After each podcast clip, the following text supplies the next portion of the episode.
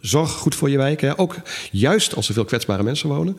Maar ga ook wijken tegen waar een hele hoge concentratie kwetsbare mensen wonen. Zeker als dat wijken zijn uh, met een grote omvang. Er is in Nederland een kloof aan het ontstaan en die kloof speelt zich af in steden en dorpen. Het is een probleem waarvan je soms een paar straten verderop al niet meer doorhebt dat het er is. Ik heb het over de leefbaarheidskloof tussen rijke en arme woonwijken. Want er is iets vreemds aan de hand. Waar de leefbaarheid in Nederland al jaren in algemene zin toeneemt, is dat in sommige wijken niet het geval. Zwakke wijken worden steeds zwakker. Mijn naam is Quinty Wierenga en in deze aflevering van Meer dan een huis, een podcastserie van Edes, hebben we het over de leefbaarheidskloof. Hoe komt het dat zwakke wijken achteruit gaan? En hoe kunnen we het tij keren? Daarvoor spreek ik eerst met Jeroen Frisse van Circusvis, een adviesbureau voor corporaties. Hij is een van de schrijvers van het rapport Vierkracht in het corporatiebezit en dat gaat precies over dit probleem. In zijn Haarlemse bovenwoning zitten we aan de keukentafel en laten we eerst beginnen met wat een zwakke wijk is. De zwakke wijk is een. Uh, uh, kijk, het begint eigenlijk al met. Uh, als je er rondloopt, hoe het eruit ziet. de kwaliteit van de openbare ruimte, de kwaliteit van de woningen. maar het gaat vaak ook over wie er woont. En in dit geval gaat het dus over mensen, een, een concentratie mensen waar, die in de bijstand zitten, die lichtverstandelijk beperkt zijn, psychiatrische problemen hebben, lichamelijke problemen hebben. Nou, als je daar een hoog percentage van in een wijk hebt wonen, dan noemen we dat een zwakke wijk. En die twee dingen hangen natuurlijk samen. Hè? Hoe het gaat met de fysieke gesteldheid van een wijk en met uh, hoe het gaat met de mensen die daar wonen. Zijn onderzoek toont aan dat het vooral gaat om wijken waarin veel sociale huurwoningen staan. Dan heb je het over wijken waarin meer dan twee derde van de woningen in corporatiebezit is. Opmerkelijk is dat het eerder, tussen 2002 en 2011, ook met deze zwakke wijken steeds beter ging.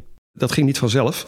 Daar zaten heel veel partijen die daar hun best voor deden. De gemeente, woningcorporaties, politie, eh, welzijn, zorg. Dus met elkaar hebben we in die tijd ervoor gezorgd dat het steeds beter ging met de leefbaarheid. In wijken waar veel sociale huurwoningen staan. En zo rond 2011, 2012 ging dat ineens niet meer zo goed. Ging het gemiddelde in Nederland nog steeds omhoog. Maar die zwakke wijken die ontwikkelden zich steeds minder positief. En nu zitten ze eigenlijk alweer onder het niveau van 2002. Dus daar is wel iets verkeerd gegaan. En dan is automatisch de vraag: waar ging het mis? Een van de redenen gaf Jeroen net al. Vroeger zaten alle betrokken partijen er samen bovenop. Samenwerking is een punt waar we later nog op terugkomen.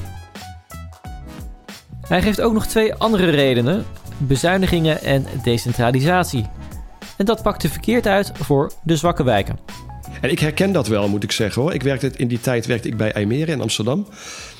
Um, tot dat moment waren de woningcorporaties, waaronder IJmeren, maar ook andere partijen, echt aanwezig in de wijk. Zaten we echt, gingen we vol op het orgel op allerlei terreinen. Uh, en ik weet nog 2011 dat uh, we eigenlijk de opdracht kregen van... joh, ga eens naar alles wat je doet heel goed kijken... om te kijken of het wel echt nodig is. En uh, realiseer je daarbij wel dat je een woningcoöperatie bent. Dus wij zijn toch eigenlijk echt van de, van de huizen. Uh, dus ging je eigenlijk van heel veel doen en kijken wat het probleem was... en daar een oplossing voor bedenken. Nou, oh ja, ik was van de huizen. Ik moet gewoon uh, zorgen voor goede huizen. En dat deden niet alleen de woningcoöperaties. Dat deden allerlei... In allerlei sectoren was dat op dat moment gewoon. Wat was ook alweer de core business? Of wat was ook alweer onze primaire taak? En uh, ja, je dan toch een beetje terugtrekken uit die wijk op je eigen terrein. En daar ging de samenhang, ging daar, de samenhang tussen al die interventies ging daar een beetje verloren. En ik denk dat we gewoon een periode hebben gehad waar uh, we te weinig aandacht hebben gehad voor, uh, voor deze wijken. Waartoe te weinig aandacht kan leiden, zagen ze al veel eerder in de Tilburgse wijk Jeruzalem. Decennia lang stond deze wijk niet alleen bekend als de slechtste wijk van Tilburg, maar ook als een van de slechtste wijken van heel Nederland. Zo kreeg de wijk in 2007 van het CBS nog het stempel van armste wijk van Brabant. In Jeruzalem heb ik afgesproken met bewoner Kootje Schilders, geboren en getogen in Tilburg. Op haar balkon neemt ze ons kort mee in de ontstaansgeschiedenis van haar buurt. Uh, vroeger was dit een, uh, een zogenaamde ERI-wijk. Uh, een, een wijk die na de oorlog is gebouwd met van die grijze betonstenen. Um, in het begin was dat nog een, een, een, prima bewoonbare wijk. Maar op den duur bleven echt alleen maar de mensen zonder geld over. En kreeg het een vrij slechte naam in Tilburg. De verpaupering sloeg toe. De wijk werd berucht. De Twente-flat bijvoorbeeld, daar ging je alleen heen als je er echt, echt naartoe moest. En ook Kootje kwam in die tijd niet in de wijk. Ja, ik woonde dus in, in, in een aanpalende wijk, zeg maar. Er zit alleen de zijarm van het Wilhelmina-kanaal tussen. En dat was een middenstandswijk. En uh, wij kwamen niet hier in Jeruzalem. Dus wij gingen niet met elkaar om. Het had gewoon een slechte naam. Dus werd je gezegd, ga daar maar niet naartoe. Ja, dat deed je dan braaf. Hè? Ik kom nog uit een tijd dat je dat braaf deed. Inmiddels is Jeruzalem helemaal veranderd. Je herkent de wijk letterlijk niet meer terug. Maar eerst terug naar Jeroen Frisse met de vraag: waar staan we nu in Nederland? Kan je al spreken van ghetto's?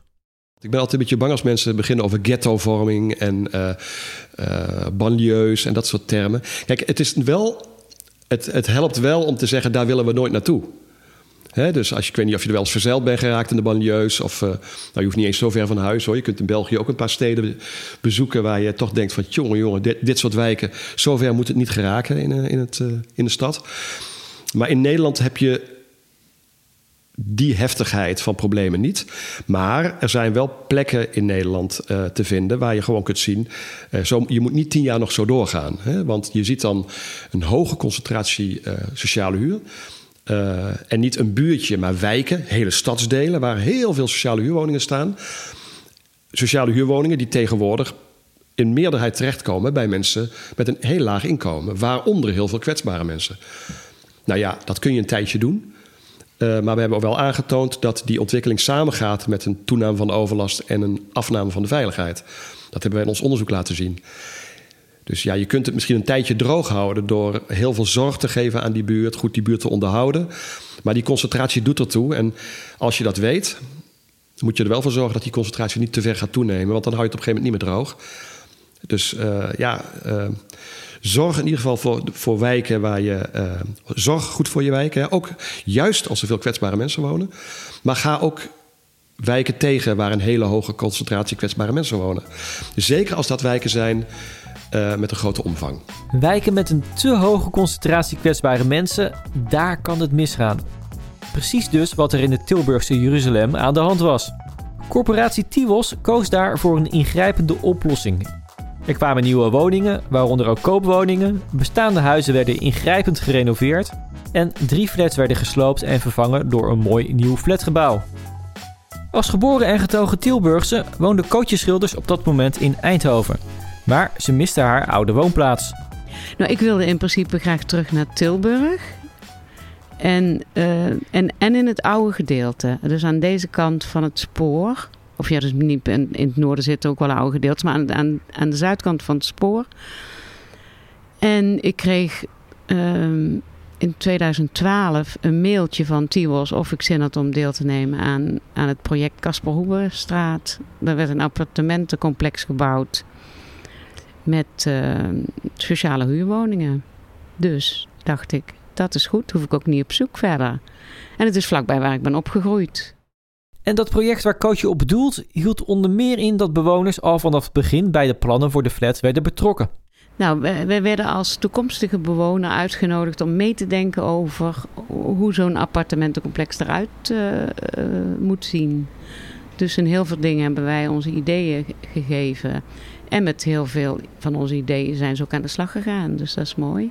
Kun je een paar van die voorbeelden noemen van die ideeën? Nou, bijvoorbeeld de, de vorm van de flats. Ik zit in, in de kleinste. Dat is nog best groot. Het, heeft, het is allemaal ongeveer uh, ehm, 11 bij 7 meter. Maar uh, mijn flat is dus van de voorkant van het appartementencomplex tot de achterkant, tot de galerij. Maar hieronder hebben de mensen een, een andere uh, lengte, zeg maar. Daar, daar zit alles aan de voorkant. De bewoners van de flat voelen zich daarmee haast automatisch ook verbonden met hun omgeving. De wijk kreeg ook een veel afwisselendere samenstelling, zag Kootje Schilders. Zo wonen nu niet meer alleen de allerarmsten in Jeruzalem, maar is er de nodige afwisseling gekomen. Nou, dat zit van, uh, van laag. Ik denk vooral in de oudbouw zitten de mensen met de minste inkomens natuurlijk. En de nieuwbouw zit van redelijk betaalbaar beetje middenstand tot het hoger segment. Dus die flat die daar ginds gebouwd wordt, helemaal tegen het talud aan van het, van het fietspad. Dat, dat wordt een hele hoge en dat is een hele dure. Dat zijn hele dure koopwoningen. Dus... En draagt die mix van lage inkomens en middeninkomens en hoge inkomens ook bij aan de leefbaarheid van de wijk, denk je? Nou, ik denk het wel. Ik denk namelijk dat omdat er ook veel uh, hogere inkomens zitten, dat er heel goed voor gezorgd wordt dat het er heel goed uit blijft zien. Ik denk als het alleen maar lage inkomens zouden zijn, dan zou er een keer iets leuks gedaan zijn aan, uh, aan het zicht. Maar ik denk dat we dan heel hard moeten zeuren om te vragen of er een beetje dit bijgehouden kan worden, een beetje dat bijgehouden kan worden. Denk ik, hè? dat is een persoonlijke mening. Dat laatste is dus zoals zij het persoonlijk ziet. Maar het resultaat is in ieder geval voor iedereen zichtbaar. Jeruzalem is nu een wijk waar de leefbaarheid enorm vooruit is gegaan. De oplossing die ze in Tilburg hebben gekozen noemen we herstructurering. En dat is een effectieve oplossing, zegt Jeroen Frisse. Maar herstructureren is niet alleen renovatie en nieuwbouw, het gaat ook om het zorgen voor kwetsbare mensen. En ik denk dat als je uh, uh, een wijk echt wil opknappen, zoals in Jeruzalem is gebeurd hè, en met succes, uh, dan moet je het dus allebei doen. Geef de bewoners de zorg die ze nodig hebben, maar zorg tegelijkertijd dat dat vastgoed kwaliteitsslag krijgt, waardoor mensen trots zijn op hun wijk, waardoor mensen weer vertrouwen krijgen in hun wijk en in de toekomst. Ik denk dat dat heel belangrijk is. zorg ook dat mensen die oorspronkelijk een laag inkomen hadden, maar in inkomens zijn gestegen. En hoeft niet eens tot hoog, maar tot een middel, middelinkomen. Die eigenlijk best wel verknocht zijn aan de wijk. Ehm, maar er staan alleen sociale huurwoningen. Dus ja, dan ga ik maar weg hè, als ik wil verhuizen. Zorg dat dat soort mensen in de wijk kunnen blijven. Uh, dus dat ze een woning in het middeldure huursegment kunnen huren. Of misschien zelfs kunnen kopen. waardoor ze zich blijven, uh, zeg maar in het sociale netwerk van die wijk blijven. Waardoor ze een rol kunnen blijven spelen bij de lokale, weet ik wat, biljartvereniging. Of kan mij het schelen wat ze doen. Maar het sociale structuur intact blijft. En dat kan alleen maar als je die woning ook echt aanbiedt in dat gebied. Meestal, uh, tenminste in Jeruzalem was het zo... dat je, kon die woningen niet voor een... Dat kon je niet verkopen wat daar zo stond. Er moest echt eerst in geïnvesteerd uh, worden voordat dat kon. Ja, en dan heb je dus... Je zorgt voor de mensen die kwetsbaar zijn. Je houdt mensen die zich ontwikkelen voor de wijk vast behoudt de sociale structuren. En ik denk, en ik ben daar zelf helemaal niet vies van, ik geloof ook echt dat ook mensen van buiten die een positieve keuze maken voor die wijk, omdat die bijvoorbeeld heel goed gelegen is, of omdat ze graag in een oude volkswijk wonen, of omdat ze er geboren zijn, kan mij het schelen wat de reden is. Dus mensen van buiten die daar uh, naartoe willen, als je daar uh, goed aanbod aanbiedt en uh, dat ze een positieve keuze maken voor die buurt, dan moet je dus wel die woningen hebben. Hè? Dat draagt ook bij. En dat, ja, daar moet je toch echt wel ook investeren in de kwaliteit van het vastgoed. En dat heet herstructureren. Mensen maken dus de wijk. En met de juiste samenstelling zorg je er ook voor dat ze samen de wijk bij elkaar houden. Maar herstructureren is natuurlijk tijdrovend en ontzettend kostbaar. Gelukkig zijn er meer oplossingen om te zorgen voor een afwisselende mix van inwoners. En eentje is het verhuren van woningen boven de aftoppingsgrens. Dat is de grens waarboven bewoners geen volledige huurtoeslag meer ontvangen. Ik kom vaak in wijken die uh, in onze onderzoeken rood oplichten, oftewel hier gaat het niet goed. En dan ga je kijken welke huren daar gerekend worden. En dan worden daar alle woningen in het goedkoopste segment aangeboden. Terwijl zowel de wet, het woningwaarderingsstelsel, als de markt ruimte biedt om ze ook wat duurder aan te bieden. Nog wel sociaal, maar boven de aftoppingsgrens. Um, dat mag. Dat mogen corporaties. En ook daar liggen geen wetten in de weg. Ik wil, zeg, ik wil wel zeggen dat uh, we.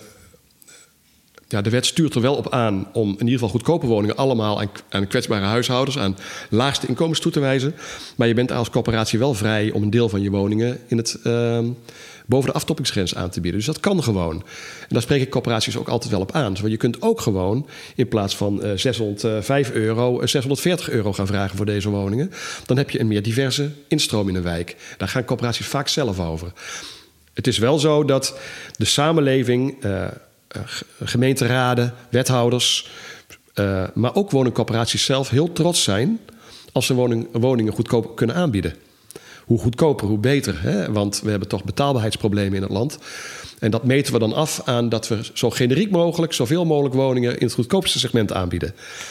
Nou, ik snap die zorg over betaalbaarheid, maar ik denk als je echt een probleemwijk hebt, een wijk waar, uh, waar de leefbaarheid in het geding is, waar de overlast toeneemt, waar de veiligheid afneemt, waar steeds meer kwetsbare mensen instromen, dat je toch uh, een argument hebt om te zeggen: ik ga hier eens een paar jaar woningen wat duurder aanbieden, om ook een wat meer uh, gevarieerde instroom te krijgen.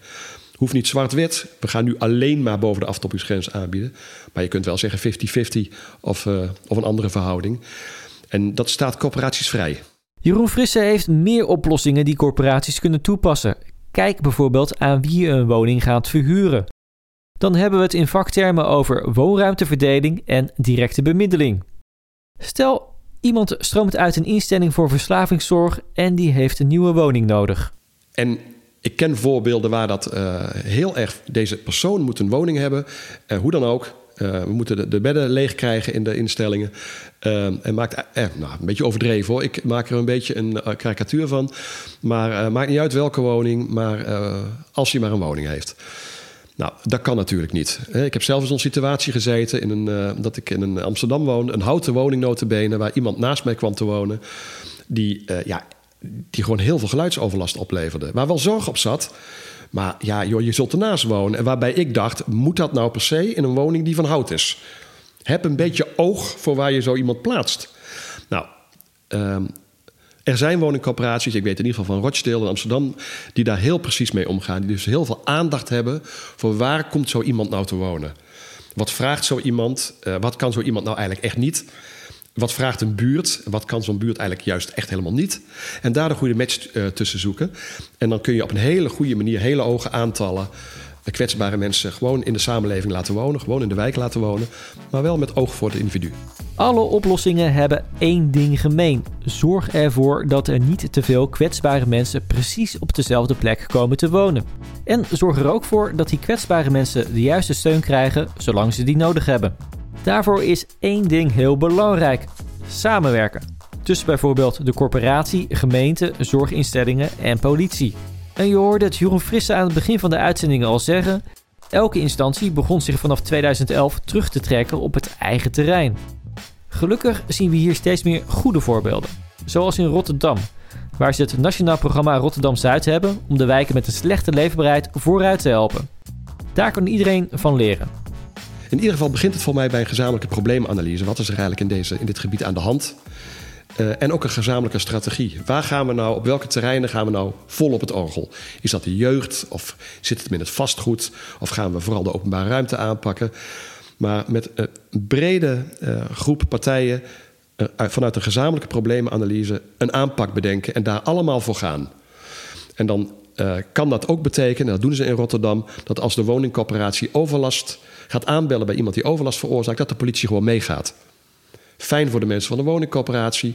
Fijn ook voor de politie, want dat is veel effectiever. En misschien ook wel fijn voor de persoon die het aangaat, omdat hij zich gehoord voelt. En niet alleen. Uh, uh, nou goed, het mag niet alleen zijn dat iemand telkens aan de bel rammelt om te zeggen van ja, u doet het fout, u doet het fout. Maar er moet ook iets gedaan worden vervolgens aan het probleem wat die persoon heeft. En daar hebben ze dan ook weer een samenwerking voor met de zorg, met het welzijn. Dus uh, ja, heel concreet uh, zijn ze in Rotterdam daar goed mee bezig. Er zijn ook wel andere plekken hoor, waar het goed gaat. Maar het Nationaal Programma Rotterdam Zuid is denk ik wel een goed voorbeeld. Zoek elkaar op en ga met elkaar om tafel zitten, is zijn advies. En bedenk dat je met betrokken bewoners uiteindelijk het verst komt. Zoals ook in Jeruzalem is te zien, waar de wijk er nu piekfijn bij ligt. Kootje Schilders is een uitermate tevreden bewoner, daar in haar fonkelnieuwe flat, waarvan we vanaf haar balkon op een opgeknapte wijk uitkijken. De bewoners beginnen elkaar ook steeds beter te kennen en er ontstaan nieuwe initiatieven, zoals het kerstverse Jeruzalem Sounds. Nou, Jeruzalem Sounds is een uh, idee van een van onze nieuwe bewoners. Muziek brengt, uh, brengt ons bij elkaar, was het, is het idee. En we hebben inmiddels twee avonden uh, gehad met muziek van zowel oud-bewoners als nieuwe bewoners. Dus een heel divers repertoire. En wat wordt er dan gezongen? Wat, wat mensen zelf leuk vinden om te zingen. En de ene die, uh, die, Er zijn een paar hele goede muzikanten die hier in de, in de wijk wonen. Dus er was begeleiding als, als je dat nodig had. Of een, of een bandje op de achtergrond, dat kan ook natuurlijk. En uh, ja, het was echt voortreffelijk. En een van die zangers op die avonden, dat is Kootje zelf. En met zo'n stem begrijp ik dat het ook voor haar buren heel prettig wonen is. I found that love was no friend of mine, and I should have known time after time. It was so long, it was so long ago, but I still got the blues for you. Dit was deze aflevering van Meer dan een huis, een podcastserie van Edes. In de volgende uitzending gaan we het hebben over flexwoningen.